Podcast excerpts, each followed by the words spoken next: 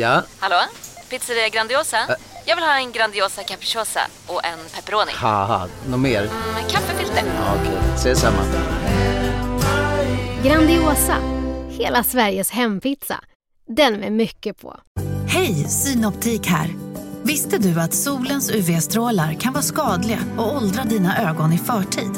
Kom in till oss så hjälper vi dig att hitta rätt solglasögon som skyddar dina ögon. Välkommen till Synoptik. CSRD.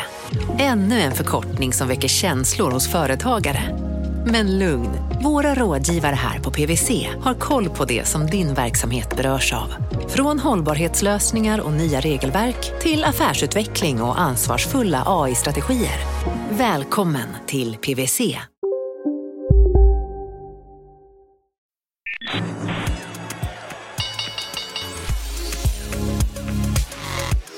Här är Affärsvärlden med Helene Rådstein. Hej och hjärtligt välkommen till podden Affärsvärlden där vi varje torsdag fördjupar oss i affärsvärldens journalistik. Jag heter Helene Rådstein och nu sitter jag här med Kristoffer Engman. Och eh, du har skrivit boken Mega Deals. Välkommen hit. Tack, precis. Men du är serieentreprenör. Ja, exakt. Jag har startat några olika bolag. Började egentligen från årskurs fyra. Men startade på riktigt sen jag var 24. Jag startade med lite mer riktiga bolag. Du är också serieinvesterare. Ja, men exakt. Det är, med, med ökad grad av framgång har jag mer och mer kommit fram till att jag orkar inte starta bolag från noll, så jag hittar bolag där, där jag har en väldigt hög synergi både med pengarna och kompetensen kring megadeals. Och så går jag in i dem. Vilka bolag investerar du i? Så jag investerar i primärt två kategorier. Dels eh, cleantech, eh, där jag är med i både Climon och var med mycket mer där förr. Eh, och sen i Pumped Hydro Storage, som, som bygger batterier i uttjänta gruvor. Så, så grön energi är min ena stora och den håller jag på att utöka. Sen så är jag väldigt mycket inne i marketing technology-bolag.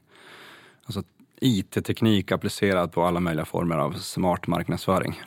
Både i Sverige och utomlands. Vi pratade lite här tidigare och då sa du att du var den största icke-institutionella, hur säger man det? Icke-institutionella.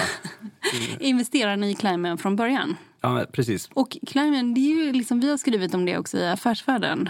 Hur ska man säga, man gör elektricitet av vatten? Ja, exakt. Alltså, Climon är bäst i världen på att göra elektricitet av eh, ljum, inte ljummet vatten, alltså fortfarande runt 100 grader, men Ja. det behöver inte vara ånga utan det kan vara varmt vatten. Mm. Då har man högst effektivitet i världen att göra el av det. En modern ångmaskin. Ja, men det kan man väl säga, fast det är inte riktigt samma, det är inte alls samma teknik, men det, det är eh, extremt... Eh, de, de tekniska genierna bakom bolaget har kommit på ett sätt att utvinna, utvinna el av varmvatten som har en, en signifikant högre effektivitet än allt annat som fanns på marknaden. Mm. Vilket då öppnar upp för, alltså elbranschen, det tror jag du kanske vet, är väldigt känslig för pris. Den är väldigt så här hård. Alltså prisprestanda eh, avgör allt. Och eh, får du ner, alltså ökar effektiviteten så får du också ner priset. Och eh, Climon ligger ofta 40 öre per kilowattimme plus minus 10 öre. Lite grovt. Och det är väldigt konkurrenskraftigt. Om du tittar på kärnkraft ligger den ofta på 1,50 kronor per kilowattimme. Och nu pratar jag inte ren produktionskostnad utan jag slår ihop capex och opex. Alltså när du slår ihop investeringar och löpande kostnader. Och så slår du ut över 20 år. Det kallas då level as cost of electricity i elvärlden. Och det är ett bra mått för att jämföra äpplen och päron. För en del e- energislag har väldigt hög investering och väldigt låg löpande kostnad. En del har lite investering och väldigt hög löpande kostnad. Och för att kunna jämföra dem och då tänker man in sig att okay, du ska kunna skriva ett 20-årigt avtal på den här produktionen. Och då måste du täcka, då måste du täcka alla kostnader, kortsiktiga, långsiktiga och med en avkastning. Därför är det ett ganska rättvist mått och där ligger Climate väldigt konkurrenskraftigt. Eh, Och sol och vind är ju per kilowattimme billigare, men sol och vind behöver å andra sidan batterier för att matcha utbud och efterfrågan. Vi ska snart eh, återvända till tänkte jag, de här 12 eh, bolagen som du också investerar i. Du har nämnt några stycken här. Men jag tänkte också bara snabbt säga att du är också här för du har skrivit en bok eh, som handlar om megadeals. Mm. Och jag vet inte om du har varit med och gjort någon megadeal. Har du det? Ja, men på Climon eh, gjorde vi några på några hundra miljoner. Ja. Men det är så- jag har inte gjort någon miljardaffär. För ni har en gräns i boken. Vad Ja, exakt. Ni... Vi har satt en gräns. Så, så vi har tittat på affärer från 100 miljoner kronor upp till 150 miljarder faktiskt eh, kronor. Vilket en del, alla tror att det måste vara ett förvärv, ett bolagsförvärv. Nej, det är kundkontrakt. Vilka är det ni har intervjuat? Vi har intervjuat eh, då säljledare, inte att, inte att förknippa med chefer. Vi har intervjuat sådana också, men det är ofta sådana som driver ett konto eller en stor affär, som har ett team med sig, eh, som gör de här stora affärerna. Det är aldrig en enskild person, det är alltid ett team. Eh, och vi har intervjuat drygt 60 sådana från massa olika länder. Vi har lyckats få en väldigt bra spridning så att det inte bara blir som klassisk marknadssäljlitteratur som är väldigt USA-England-fokuserad. Vi har verkligen fått med Saudiarabien, Japan, Indonesien, Sydafrika, Kongo, eh, Brasilien, såklart USA, Kanada och de förväntade länderna. Men vi har fått en väldigt bra geografisk spridning.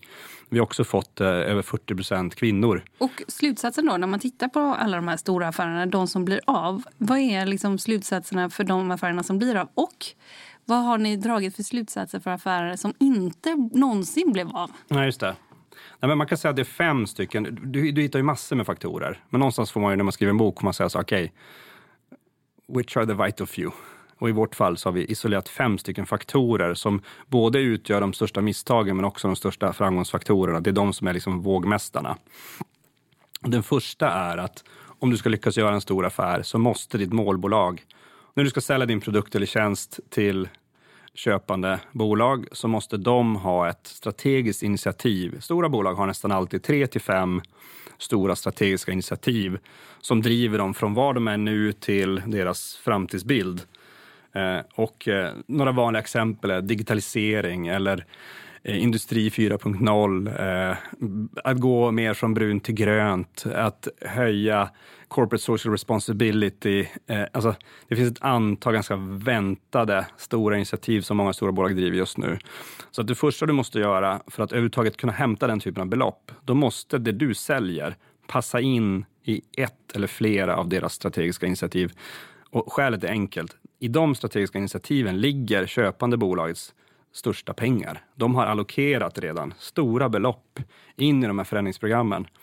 Så försöker du sälja någonting som kräver stora pengar men som inte är utpekat som ett strategiskt initiativ så kommer du få hålla på i många, många år och stånga huvudet, vilket många gör. Så det är en sån tydlig vattendelare. Om du är dålig på att hitta dem kommer du springa på massa kunder som teoretiskt passar men som faktiskt inte har ett matchat key initiative som det heter på engelska. Det är första punkten. Marknaden sponsras av SPP, pensionsbolaget. Eh, förra gången pratade vi lite om ITP. Och som en kort repetition så, så var det ju 70-tal, arbetsmarknadens parter bestämde att alla tjänstemän ska ha en tjänstepension. Man kom överens om vilka villkor som ska gälla i den här pensionen och så kallade man den för ITP. Så jobbar man idag som tjänsteman i ett företag med kollektivavtal, då har man förmodligen den här pensionen, ITP-pensionen. Eh, och det är ju så att man kan påverka eh, den här pensionen, hur den är placerad. Vart femte år så gör nämligen Collectum, som de heter, en enorm upphandling där olika pensionsbolag kan ansöka om att få förvalta eh, de här pensionerna. Och SPP är ett av bolagen som valdes ut i den senaste upphandlingen. Och sen kan du som pensionssparare välja eh, vilket av de här olika pensionsbolagen som, som då ska få ta hand om dina pengar. Och tanken med den här upphandlingen det är ju att liksom kvalitetssäkra de här olika alternativen eh, men också att förhandla fram stora rabatter så att pensionsspararna ska få, ja, kunna spara pengar genom att avgifterna eh, som är så viktiga eh, blir eh, lägre. Och vill man välja någonting i ITP-systemet då finns det en relativt ny sajt som heter avtalat.se. Ehm, där kan man gå in och se hur sin ITP-pension är placerad. Jag gjorde det häromdagen faktiskt. Ehm, idén är att hälften av pengarna alltid ligger i något som kallas för traditionell försäkring. Det här gjorde vi ett avsnitt om i podden Kapitalet nyligen eh, som vi kallade världens bästa sparform. kan man lyssna på om man är intresserad. Eh, den andra halvan eh, den kan man också lägga i en traditionell försäkring eller så kan man placera det i något som kallas för fondförsäkring. Eh, SPP som sagt eh, var ju ett av de fåtal bolagen som valdes ut i den senaste upphandlingen och de finns med som alternativ både med en traditionell försäkring och med eh, fonder. Så det var en liten bakgrund till ITP-systemet. Vill man läsa mer om det här eller typ kolla hur ITP-pensionen är placerad, eh, kanske göra förändringar, då går man in på avtalat.se men tack säger jag till SPP som vill göra oss människor mer medvetna om hur enormt viktig pensionen är för oss som en framtida lön, men också som en positiv kraft i samhället. Eh, och förstås för att ni möjliggör eh, den här podden Marknaden. Du lyssnar på Affärsvärlden Magasin med Helene Rådstein. Okej, punkt två då. Punkt två är att man måste förstå ekosystemet runt affären. Vi kallar det the deal specific ecosystem och det är både alla stakeholders inne på målbolaget som du säljer till. Och det kan vara om du tänker en matris som har hierarkiska nivåer på y-axeln och på x-axeln har du olika funktionsområden. IT, logistik, marknad, sälj, HR och så vidare. Ganska ofta så inne i bolaget så, så rör megadeals flera funktionsområden och på flera hierarkiska nivåer. Så det är en ganska geggig grupp av människor som oftast inte ens pratar med varandra. Mm. Så det måste du förstå vilka de är. Och sen är det i princip alltid så att det är parter utanför målbolaget som du behöver få med dig och mappa upp. Det kan vara vissa konsulter som du vet att det här bolaget lyssnar väldigt mycket på. Det kan vara andra, om du till exempel du säljer en teknisk lösning som kanske då ska angränsa till andra tekniska lösningar, då behöver du veta vilka är leverantörerna av de kringliggande tekniska lösningarna, för de behöver du oftast få med dig mm. så att inte de sätter käppar i hjulen. Många megadis rör dessutom politiker, antingen på kommunal, regional eller riksnivå. Eh, på Climon till exempel så jobbade vi väldigt aktivt, och det gör de fortfarande, även utav mig, med politiker i de länder där man har sin huvudsatsning. I Kanada till exempel så fick vi några av både riks och regionalpolitikerna ta, ta selfies med oss och lägga ut på Twitter, vilket ju var såklart en succé. Okej, så det, den andra punkten är att man ska förstå ekosystemet. Du ska förstå ekosystemet. Var är jag liksom? Ja, precis. Ja. Var, vilka, och, och, här, om man tar till exempel Johan Björklund som är en fascinerande, duktig person som har gjort Ericssons största affär någonsin, som är på 48 miljarder med AT&T. Han och hans team eh, jobbade väldigt aktivt med att ha det här ekosystemet i ett specifikt rum där de hade om du tänker dig som du ser i polisfilmer så har du bilder på personen på väggarna och så står det liksom en biografi under varje person. Både vad du har för ansvarsområde men också vad du har för privata intressen, vad du har för personlighetstyp och så vidare. Och sen uppdaterar de de här dagligen för att ha koll på både alla stakeholders inne på AT&T men också som sagt tekniska konsulter, strategikonsulter, politiker och sådana som rör sig runt affären. Det låter som ett brott mot GDPR. Au, alltså. ja, det, kan, det kanske det är numera. Men så gjorde de då i alla fall? Ja, exakt. Nu, ja. nu, så, är ju, nu så gör ju många det mm. tack, alltså med hjälp av LinkedIn. Ja, att du det. Hittar, det finns ganska bra verktyg både i LinkedIn och utanför LinkedIn där du mm. skapar ekosystemet eh, i, kopplat till LinkedIn. Där har du ju väldigt snabb väg till att hitta och kartlägga. Bara du vet vilka typer av organisationer du ska titta på. Låt säga att du igen då, tar AT&T om man hade gjort den affären idag. För den här affären är några år gammal. Det som man gör idag med hjälp av LinkedIn det är att man kartlägger målorganisationen med hjälp av LinkedIn. För då vet du vilka typer av roller och avdelningar du behöver få med dig och då får du fram dem genom att söka i LinkedIn. Och så, det finns verktyg där du sparar undan dem fortfarande i LinkedIn. Och sen så gör du motsvarande i de eh, organisationer som rör sig runt den här affären. Så mappar du upp dem och eh, får en väldigt fin överblick. En del CRM-system stöder också det här, eh, fast då med hjälp av LinkedIn. Och där kan du då skriva in kommentarer kring dig exempelvis. Och, ja, men Helena är på det här sättet och hon gillar de här sporterna och så vidare. Och sen använder man, dels använder man det för att hålla koll på vilka har vi fått med oss, vilka är oklara och vilka är våra motståndare och vilka har vi inte ens pratat med. Det här är ett slags lobbyarbete kan man ja, säga. Alltså megadeals, det är bra att du säger det. Megadeals har ett väldigt starka drag av lobbying eh, snarare än klassisk försäljning. Alltså om du tar en mindre B2B-affär, då kanske det är tre, fyra, fem personer som är med i ett sånt beslut och det räcker att du har ett konkret problem och tillhörande lösning och att du är nog bra och så får du den gruppen i ett och samma rum och så kan du stänga affären. Så mycket, mycket sälj och marknadsföringslitteratur handlar om hur du bearbetar små grupper av människor. Så, att, så att det vi beskriver i boken, det är att, och det är ganska intressant för även Matt Dixon, då, så en av författarna bakom Challenger Sale, han säger att vi är en dialogteknikbok. Det heter till, jag kommer inte ihåg vad det står efter titeln, men det står någonting om dialog, bla bla bla. Och det handlar om hur driver du dialogen med fyra, fem personer? Medan en megadeal så kan det vara över hundra stakeholders och då övergår ditt arbete till att vara mycket mer, precis som du säger, mycket mer lobbylikt. Mm. Så det är nästan som att vinna politiska val. Mm. Dels att förstå. Så punkt nummer två, att förstå hela det ekosystemet av voters. Tredje punkten det är hur använder du förståelsen av ekosystemet för att driva ditt konsensusarbete, lobbyarbete?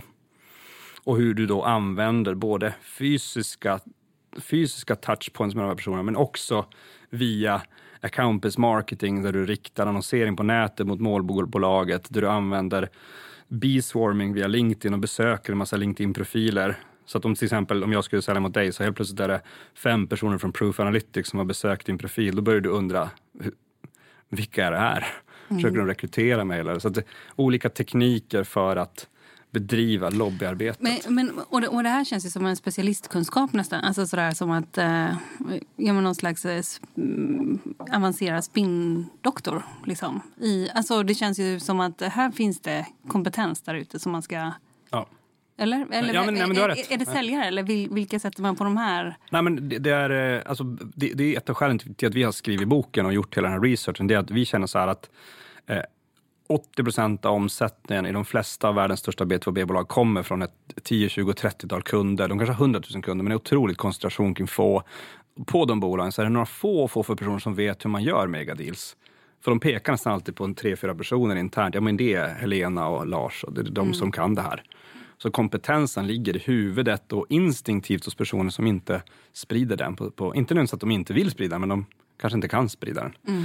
Det är en specialistkompetens och det är ett av skälen till att vi har valt att göra research och skriva boken. För vi känner dels för vår egen skull, vi vill bli världsmästare på det, även om vi har varit med och gjort sådana affärer. Så, så, så jag till exempel gör i princip bara investeringar i bolag som touchar vid stora affärer. Som är antingen vill sälja mot jättestora varumärken eller gör stora affärer. Då kan jag ju orättvist bra lyckas med mina investeringar. Så jag investerar både kompetens och pengar i sådana bolag.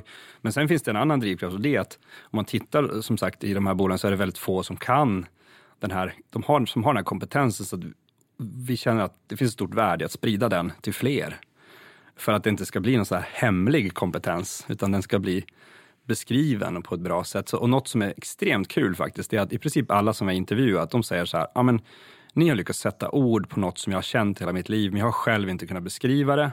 Det är mening nummer ett. Och mening nummer två är, dessutom, jag gör mycket av det ni säger, men ni tar upp två, tre grejer som jag måste börja göra, som jag inte visste att man kunde göra.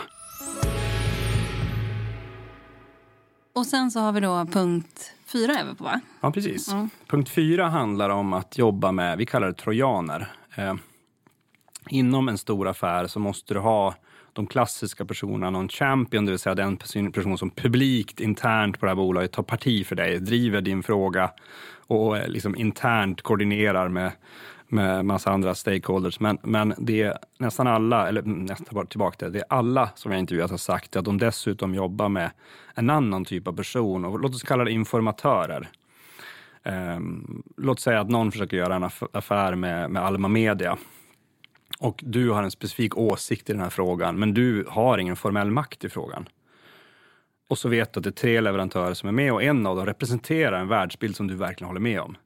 Ett sätt för dig att utöva makt, det är att du läcker information till det bolaget, där du berättar vad som sägs internt, vilka konkurrenter det är de som är inne och så vidare. Och oftast är det här, det kan man ju tolka som ett illojalt beteende, men det är oftast ett väldigt godhjärtat beteende. För det betyder, de personer som är trojaner, de är inte illojala. De har väldigt högt engagement score hos sina arbetsgivare. Men de kan ibland tycka att deras chefer är lite långsamma, att de vet bättre. Kanske har dåliga ägare. Ja, men exakt. exakt. Ja. dåliga ägare och så tycker man att men fastän jag vet bättre, de håller på att springa åt fel håll. Jag vill hjälpa leverantör B, för jag tycker verkligen att de gör rätt. Mm. Jag vill hjälpa dem på traven och då, då, då, då ger de en massa information om vad som händer bakom kulisserna. Och ett citat som har kommit upp från i princip alla megadealers är att Eh, de hade ju inte, begreppet trojaner har vi satt, men när vi förklarar begreppet, de bara, ja men exakt, men sådana måste vi ha varenda gång. När vi inte har dem så vet vi att vi kommer förlora. Eh, en, en väldigt duktig kvinna på Accenture som gör sådana jätteaffärer, hon kallar dem svampar. För de växer i mörkret och de är väldigt tystlåtna personer och, och har, eh, så de finns lite i skymundan. Det är lätt att missa dem. Men de, de, kan utöva ganska stor makt på annat sätt än via en titel eller att vara den mest högljudda i rummet. De, de guidar beslut åt visst håll med hjälp av information. Men jag tänker, man måste ändå vara ganska välinformerad. Säga till exempel att det är börsbolag. Det är lite svårt ibland utanför ledningsgruppen att få eh, till en trojan, eller? Vad, vad säger ah, ledning, nej, trojanerna är i princip alltid på jättelåg nivå. Ja, så de har... Men de har ju inte alltid så jättemycket information. Ja, men i, stora, I stora affärer så, så stora affärer berör nästan alltid stora grupper människor. Och då, eh, då är de, givet att de är i rätt funktionsområde, så har de hört talas om den här affären på ett eller annat sätt. E, ett sätt som jag själv har stött på sådana, låt säga att eh, jag är säljande part och du är köpande part och du har ett team på tio personer med och vi är tre från mitt bolag. Vi har ett möte och sen när mötet börjar gå mot slut, eh, nu sitter vi liksom 30 meter från er entré och så säger du, jag kan följa er ut. Det är inte som att jag inte hittar ut. Mm. Du vill oftast säga något då. Mm. Så på vägen ut så säger du, ja men Eva var inte med, bara så att du vet hon är jätteviktig i den här frågan. Eh, Lars var inte heller med, honom borde ni fånga. Han, hans, så här når ni honom. Eh, dessutom eh, Sven som satt i rummet, som var väldigt positiv till er, är inte det. Han tycker att ni är dåliga. Och, och oftast så, så de här trojanerna avslöjar sig genom att de säger, de går ofta, nu, nu beskriver jag för, för rakt på, ofta så ger de signaler om att de är beredda att prata mer. Det man måste göra då, man måste vara väldigt lyhörd och säga att okej, okay, här är en person som vill prata mer. Säger man, men du, ska inte vi, ska vi kunna ta en lunch nästa vecka? Och så, och så fångar du upp trojanerna. Här är det ju jättemycket sälj och marknadslitteratur som alltid säger gå på ledningsgruppen och det är fel. Möjligtvis om du gör små affärer, men ska du göra stora affärer så måste du bedriva ett lobbykrig.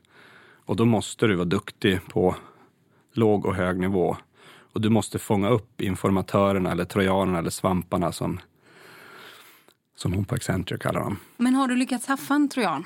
Alltså har du, har du själv lyckats? Spottat dem ja. Ja, ja, oh, ja, varit ja, så pass uppmärksam? Ja, ja, absolut. Nej, men de är, de är, de är avgörande.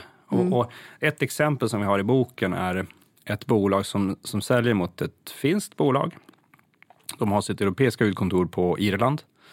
Eh, en person i den här finska gruppen som är långt ifrån beslutet är då en trojan, säger till säljande part ja, jag, ska, jag ska på semester till Dublin.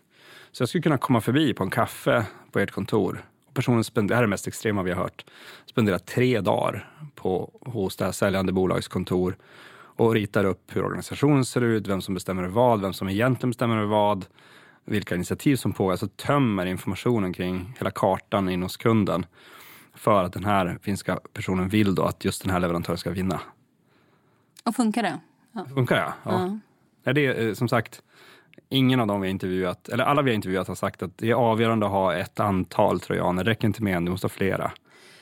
För men att annars men, har dina konkurrenter det. Men jag tänker också, en risk med trojaner mm. skulle kunna vara att man, om man fick reda på det, mm. i, om man sitter i ledande mm. positioner i ställning, så skulle man kunna bli väldigt, väldigt irriterad. Oh ja, oh ja. Både på liksom... Eh, de tar en stor politisk risk. Ja, ja de tar en stor, så både internt och även mm. externt. Ja. Vad håller ni på med? Det, Vad är det här för lite smusselaffär? Exakt. Liksom? Och det, det som är viktigt att tänka på det är att det här kan man ju liksom debattera, man kan ju debattera etik och moral i all, allting som man hittar i research. Vi, vi berättar ja, men, bara hur ja, det är. Ja, men, ja, det kan man göra. Men jag tänker också risk. Alltså risk att något faktiskt inte blir av för att man ja. trojanar sig eller man går på en trojan. Den, den, ja, men då, ingen part den, tjänar på att berätta om det. Så att trojanen tjänar inte på att berätta om det och du som säljande part tjänar inte på att berätta om det. Som en vanlig otrohetsaffär? Ja men typ, exakt. Så du, mm. du, du, har, du har du ska ha flera stycken och eh, sen måste du tänka på hur du jobbar med dem. Så att om du då, du kan ju aldrig till exempel säga, ja men jag träffade Helena på lunch förra veckan, hon sa det här till andra personer på bolaget. Du måste hålla viss information, måste du veta, men du får inte säga det. Mm. Så du använder det till din fördel, men du lyfter det inte. Och du får definitivt aldrig, det har vi ju också exempel på, där man använder det som hävstång. Men Helena sa det här, då blir folk så här, bara, precis som du säger, men vadå Helene? Alltså, va? va? Har hon berättat det för er? Ja. Du tjänar på att um, hålla parter isär. Mm. Ska inte vi alla träffas i ett gemensamt möte? Det ska du göra, men först när du har vunnit lobbykriget. Och så kommer vi nu då till punkt fem som är risk. Punkt fem är risk och det, som, det här är väldigt, väldigt tydligt. Att, och det finns till och med kopplat till Kahnemans, det han vann Nobelpris för, loss aversion. Eh, det vill säga att det är två och en halv gånger mer smärtsamt att förlora något än vad det är positivt att vinna något. Ja. Eh, riskmitigering i stora affärer är mycket, mycket viktigare än uppsida. Så att om, om du har två alternativ, en affär kostar 10 miljoner kronor, den har 37 procent sannolikhet att misslyckas, den har 200 procent förväntad avkastning. Nästa affär kostar 100 miljoner, så 10 gånger mer. Den har bara 17 procent förväntad avkastning, men 1 procent risk. Det vill säga mycket lägre avkastning, men betydligt lägre risk. Så även om väntevärdet, och den förväntade avkastningen är mycket större på högriskalternativet i snitt, så går eh, folk på det dyrare alternativet. För att låg risk är så premierat i framförallt i stora bolag. Eh, eh, och och det, det, alltså, tjänstemannabeslut är oftast lågriskbeslut, framförallt när det rör mycket pengar. Mm. Och det kan också vara en risk. Lågriskbeslut kan också vara en det, risk. Ja, men Ja. alltså, I love you. Det, det, ja, men det, grejen är så här, det, det man inte förstår, men här är, här är det faktiskt en skillnad mellan ägarledda bolag och tjänstemannaledda bolag. Mm. Ägarledda bolag vågar göra mycket mer modiga manövrar. Mm. För där sitter en huvudägare som inte på någon nivå inte kan få sparken på samma sätt. Utan man vågar gå på faktiskt det som ger i snitt högst avkastning. Givet att man har råd att ta förlusten såklart.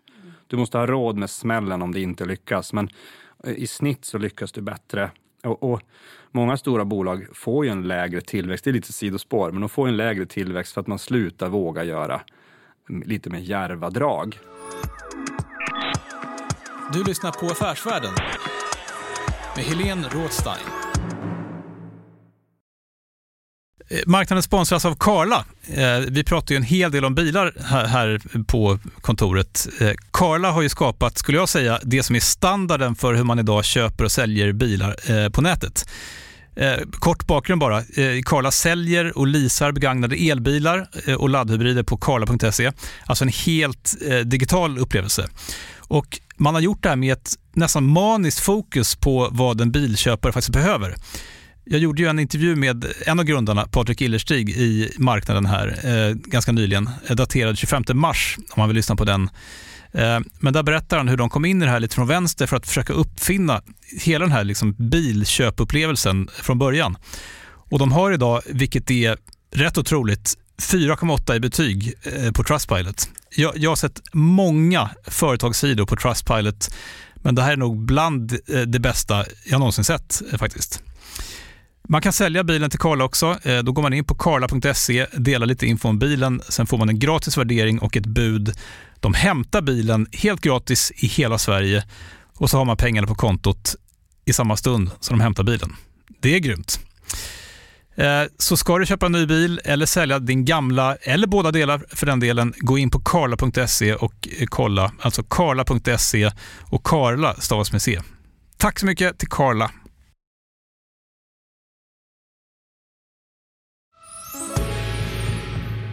När du har tittat på det här, för det första, varför skrev ni den här boken?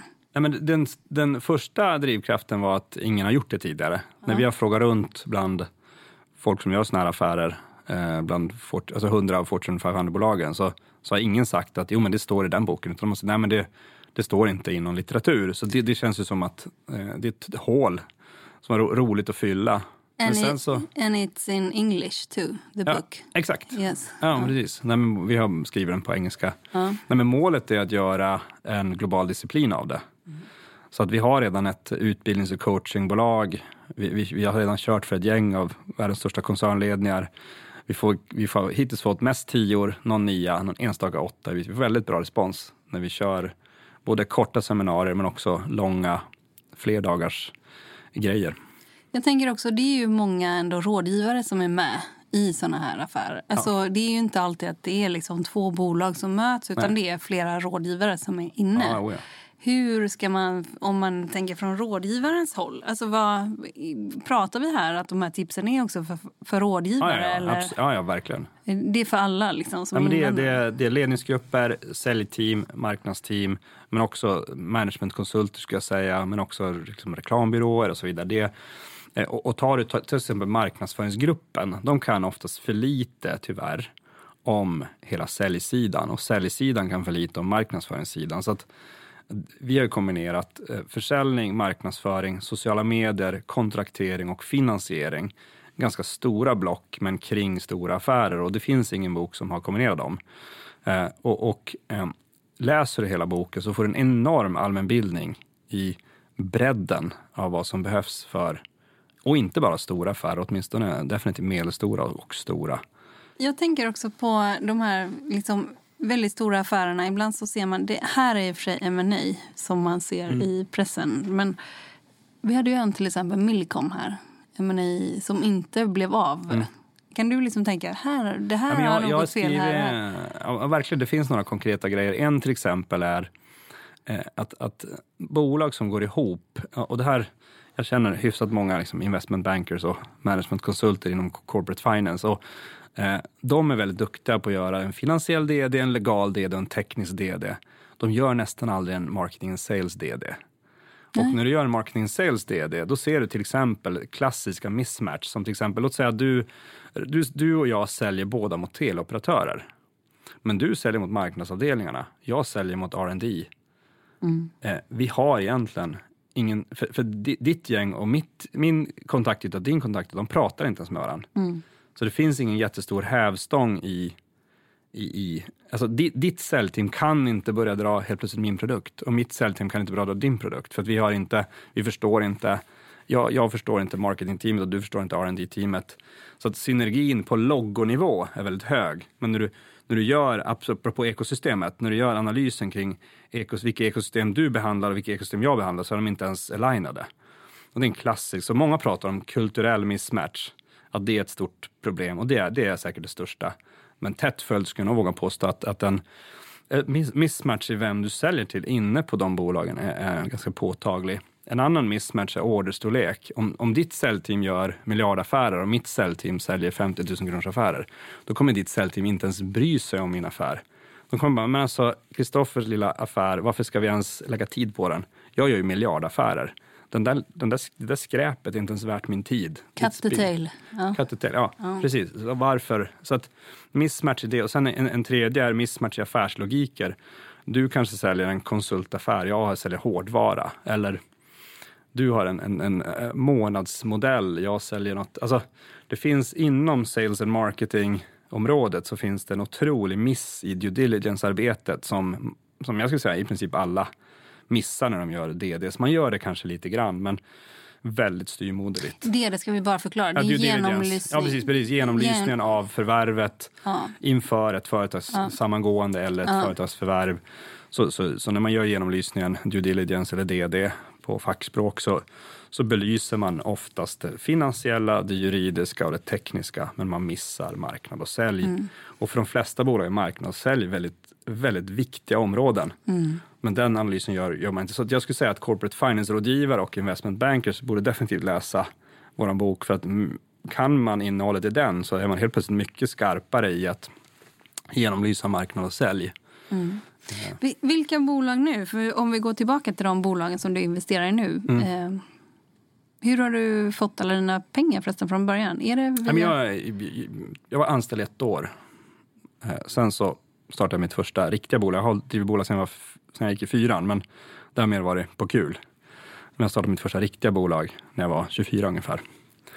Och eh, det blev då sedermera Retain 24 som hanterar presentkortstransaktioner för majoriteten av de svenska retailbolagen i alla fall. Väldigt osynligt, ligger mot alla kassaapparater i, bak, i skymundan. Ja, okay. och, och, och sen Nej, men jag egentligen, I mina första två bolag så har jag tjänat ganska beskedligt med pengar. Ja. Så både Retain 24 och sen taxsystem jag tjänade nog mycket för att kunna ta nästa steg bara. Mm. Eh, när jag tjänade en större summa var när jag sålde Vendemore. Men sen har jag sista åren lyckats multiplicera de pengarna några gånger. I, inte minst eh, via investeringen i... Ja, men Climon till exempel ja. var en väldigt viktig del där. Mm. Ja, på två år växte flera gånger. Då. När investerade du och hur såg det ut? Jag investerade två gånger. Så, så första gången kom jag inte ihåg, det var något år innan. Men sen, sen två och ett halvt år sedan investerade jag lite mer på riktigt. Och sen jobbade jag där då i två år därefter. Och vi ökade orderingången från 30 till 900 miljoner på, på två år. Och sen så hade vi en väldigt lyckad börsintroduktion som var övertecknad eh, ganska kraftigt. Mm. Oktober 2017 var börsintroduktionen och den var väldigt lyckad. Det tror att eh, investmentbanken sa att det var någon slags rekord i hur övertecknad den var. Jag tror det var till och med tio gånger övertecknad. Eh, och sen har, har vi levererat egentligen ganska bra mot, mot eh, förväntan och, och, så att kursen har ökat sen dess också. Då. Så vi gick in på 32 kronor tror jag, nu ligger den på 90 eller sånt där. Eh, och sen har ju även, vi startade ett väldigt bra eh, finansieringsbolag som heter Baseload Capital där även Bill Gates och Richard Branson och de, Jack Ma, Jeff Bezos och många av världens rikaste personer via deras gemensamma grön energifond som heter Breakthrough Energy. Den, den, den nyheten slog ner som en bomb, Mm. faktiskt. Eller hur? Sverige- Var det ett halvår sedan det kom? Eller? Ja, det var nog lite kortare. Det var i februari tror jag. Ja. Mm. Så, så. Den jobbade vi på i nio månader och även efter att jag lämnade fortsatte de att jobba på den. Då. Mm. Den var ju väldigt hysch hyschig givetvis. Det hade varit ganska mycket insiderproblem om den hade läckt ut. Eh, men den jobbar vi på från tidig sommar eh, i fjol då, till februari. Ja, och sen nu så sa du att du investerar i 12 bolag. Och för, eh, Mm. nu. Och vilka bolag är det? Och är det något som är noterat? Nej, det är bara, bara Climon är noterat. Jag jobbar bara i onoterade bolag i princip. Ja. Sen är jag gärna med upp till en börsintroduktion. Ja. Jag går in i scale-ups, alltså inte startups. Det ska vara bevisade produkter och tjänster. Business to business. Det, det är två huvudkategorier. Det är dels är det grön energi, där du har Climon, men också pumped hydro storage, alltså hur du bygger batterier i uttjänta gruvor. Och sen är det nästa grupp är marketing technology-bolag. Allt från Proof Analytics där jag även är operativ, så det är min nästa operativa resa efter Climon, där jag är sälj och marknadschef igen då. Jag gillar att bygga den tillväxtpucken Ja, ja. under några år. Mm. Proof Analytics. Proof Analytics är först i världen med att automatisera eh, regressionsanalys tillämpad på marknads och säljinvesteringar. Så att, näst, om frågar du 100 marknads och säljchefer hur spenderar ni era pengar och varför så får du ett litet ja. Det är lite på känsla. Men vi använder matematisk analys för att, för att räkna ut hur de borde spendera det baserat på vad som har gett resultat historiskt. Och det är egentligen samma metodik som, eh, så jag har skrivit en bok tidigare, Megadis eh, kommer nog bli betydligt större. Men jag har skrivit en bok i hur man prognostiserar statsbudgeten när jag var mycket yngre. Jag och en annan kille som nu är professor i matematisk statistik som också är forskningschef på Proof Analytics. Vi gjorde ett jobb åt regeringen där vi Eh, tog ner felet på reavinstskatt från 80 procent till 4 procent med hjälp av regressionsmodeller. Där de hade doktorer i nationalekonomi som satt och tittade på aktiemarknaden, obligationer, man tittade på fastighetsmarknaden och de olika sakerna som ingår i reavinstskatt och så sen gjorde man en ganska mänsklig bedömning i hur, vad det borde landa i och de hade i snitt 80 procent fel. Och, och det är för att eh, mänskliga hjärnan klarar inte av allt för många dimensioner. Vi är väldigt bra på associationer, men vi är inte så bra på att se 13-dimensionellt. Och tar du, eh, reavinstskatt var sju, sju stycken variabler. Marknadssälj är oftast 15, 20, 50 variabler. Det är därför Proof Analytics är så intressant, för då kan du med hjälp av matematisk analys se vad borde du höja, sänka, ta bort, lägga till eh, och helt plötsligt landa förhoppningsvis närmare de 4 procenten fel än de 80 procenten fel och då växa snabbare med, till en billigare kostnad.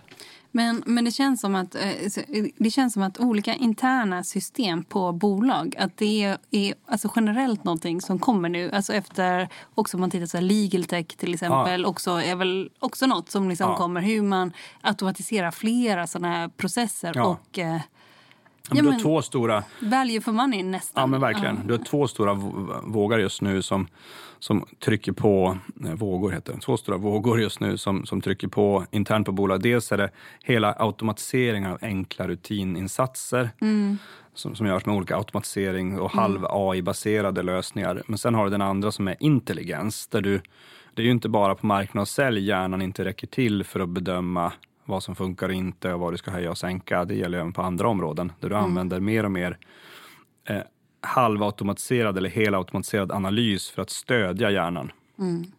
Och, och eh, nu kommer jag inte ihåg citatet, men Wireds chefredaktör sa någonting i stil med att eh, du ska inte försöka slåss mot maskiner, du ska bli bäst på att samarbeta med dem. Det är så du blir framgångsrik i framtiden. Och, och jag tror verkligen på det. Så att, eh, jag menar, det, det vi det är inte så att marknads och säljchefen ska sluta tänka. De ska tänka med stöd av vår automatiserade matematik och helt plötsligt kunna fatta mycket bättre beslut. Där de mixar sin känsla med vad vår matematik säger. Mm. Helt plötsligt har du en GPS när du kör istället för att jassa runt på, på bara känsla. Får jag fråga bara, utav de här megadealsen som du har, varit, liksom, som du har tittat på, finns det något som du har känt så här, det här, liksom, nu kanske det här plingar till, men den här megadealen, den är så cool. Det här är liksom helt enastående. Ja, men jag skulle nog säga, men det var en bra fråga faktiskt. Konrad Bergström som, som, eh, som har grundat Sound Industries, det vill säga de här Marshall-lurarna och, och Marshalls bärbara högtalare och så vidare. Han har gjort en ganska häftig megadeal som är nästan besläktad med M&A. Men han gick till Mar Marshall gör, gör de här konserthögtalarna som du har sett på i princip varenda konsert runt om i världen. Ja, och, och också snygga inredningshögtalare. Man... Ja, men det är ju han som har gjort det. Ja, så ja. Han gick till Marshall. Marshall har ganska låg, eh, om jag får säga det själv, ganska svag teknik, men de har lyckats väldigt bra på kons konserter. Där står de med väldigt coola högtalare. Men, men han insåg att de är, de är svaga på teknik. De kommer inte kunna ta språnget in i, i, i, hör, alltså i hörlurar, vad kallar man det? Headphones. De kommer Mm. inte kunna ta språnget in i bluetooth-baserade små inredningshögtalare och så vidare som går mot smartphones. Så de kommer inte klara det. Och sen så, så, så har han kontakter ibland tillverkare som, är väldigt, som har väldigt hög teknik men inte samma brand. Och sen så gick han till Marshall och fick en, en eh, licensaffär på att använda deras varumärke fast in i produkter som de inte gjorde fast fortfarande inom högtalaraktig business. Och eh, där han då lyckas skapa en så stor synergi av varumärket från Marshall och högteknologi från, jag kommer inte ihåg vem tillverkaren var, från en tillverkare. Och så börjar han sälja det och han har ju byggt ett mångmiljardbolag på bara några år. Det är en typ av megadeal och det leder mig faktiskt in på en, ett karaktärsdrag hos med, de bästa megadealer som vi har sett systematiskt göra stora affärer, lite som Zlatan i fotboll. De förstår inte bara ekosystemet, de förstår vart ekosystemet är på väg. Vart, vad är prognosen på hur alla de här parterna kommer se ut 10-20 år framåt i tiden? De är väldigt bra på att se det mönstret och med att läsa det spelet kan de helt plötsligt placera in en affär som ingen har tänkt på. Bara genom att ha stor förståelse kring vart ekosystemet är på väg och hur de här olika parterna har för styrkor och svagheter. Till exempel då Marshall med de här konserthögtalarna där han bedömde att de kommer inte kunna ta språnget in i headphones och, och såna här smarta högtalare och så vidare. Och, och det här teknikgänget, de har inte något brand. Och han förstår teknik och brand och bygger helt plötsligt ett nytt bolag av, med ganska lite pengar faktiskt. Eh, Det är, allt sånt där är ganska enastående. På något. Alltså, för, för vad är det? Det är en blandning mellan entreprenörskap och affärsmannaskap. Eller vad kallas Ja, jag skulle tro att om du gör ett sån här kapacitetstest så de bästa megadeals, det har vi inte gjort, det skulle jag vilja göra som nästa steg. Gör ett kapacitetstest på, på megadeals så skulle du nog se att de, de som gör det systematiskt, de har väldigt hög mönsterigenkänningsförmåga. Jag tror att de ser mönster. Eh, nummerserier och sånt där tror jag de ser vad nästa siffra är. Om du ser 14 figurer och sen ser de vad skillnaderna är väldigt fort. De har väldigt hög talang i att se mönster helt enkelt. Eh, För att lansera boken så hyrde ni Vinterträdgården. Ja, Det är inte gratis. nej. Eh, Grand Hotels. Men om du ska prata om megadis så måste du ha en megalokal. Ja, Vinterträdgården eh, på Grand är ju Sveriges megalokal. Ja det är det va? Ja. Eh, Goldman Sachs sitter högst upp nu va? På, Mm. Ja, det kanske de gör. Ja, Ja, gör de det? tror det. Okej. Men jag vet faktiskt inte. Nej, ja. inte du, vi har ju pratat om eh, att du har skrivit boken. Du har skrivit boken tillsammans med... Johan Åberg, Och han är... vd på Nextdate som är en B2B-byrå. Ja, hur känner ni varandra? Eh, ja du, vi, vi träffades via Founders Alliance där många entreprenörer av medelstor och större kaliber träffas regelbundet. Eh, så han, han kom faktiskt fram till mig första gången och så sa han Vendemors webbsida är väldigt ful. Det var hans inledningsfras. Så, så, så, alltså ditt bolags... Ja, exakt. Ja, ja. Eh, Han va, va, var det sant? Nej, jag, Nej. jag tror att... Eh, då tänkte jag så här, antingen är han helt galen eller så är han briljant. Ja. Eh, oavsett så vill jag prata mer med honom. Eller, eller, eller både och. Det är inte helt dålig kombo, eller? Nej, nej, ja. exakt. Ja. Mm. Nej, men så, så, så vi träffades där och sen så åkte vi på två faktiskt utbildningar tillsammans. Han är nog den jag känner som utbildar sig mest. Så han bjöd med mig och min fru på ett Tony Robbins-event i New Jersey. Sen så bjöd han med mig till London på flera dagars speaker training. Eh, och, och man kan väl på någon nivå säga att, eh, han kanske skjuter mig för det här, men han lite, alltså helt platoniskt givetvis, vi, vi är helt i högsta grad heterosexuella. Men han, han på något sätt stötte på mig eh, och, och, och efter ett tag så började jag tycka den här är en himla bra kille. Så vi hade mer och mer med varandra att göra och märkte att vi ser massa saker ihop. Och, och det är ganska kompletterande också. Vi ser helt olika ut, vi har helt olika personligheter men har väldigt tydliga beröringspunkter ändå. Han, han är liksom långt hår, eh, ser lite mer ut som en rockstjärna. Jag ser kanske lite mer ut som en IBM-person. alltså, vi har liksom lite olika framtoning. Mm. Nej, men vi är väldigt olika. Men vi, vi, vi appellerar också lite olika publiker. Eh, jag går nog bättre hem hos storbolagen, tror jag. Mm. Eh, han uppfattas nog som roligare än vad jag är. Mm. Även om jag är fantastiskt rolig givetvis. Så mm. jag, mm. han är roligare. Ännu roligare. Ännu roligare. Ja, ja. Exakt. Och, och, han är mer kreativ än vad jag är. Jag är mer analytisk. Så vi har liksom ganska kompletterande. Han är väldigt bra på psykologi. Jag är väldigt bra på bygga modeller och sånt. Så vi har liksom ganska kompletterande skills faktiskt. Mm. Jag säger tack så mycket för att du kom hit och var med i podden Affärsvärlden.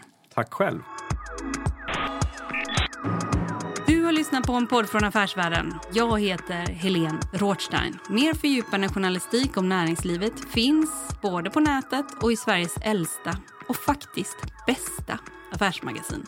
Du hittar oss enklast på affärsvärlden.se och podden, den är tillbaka om en vecka. Håll ut!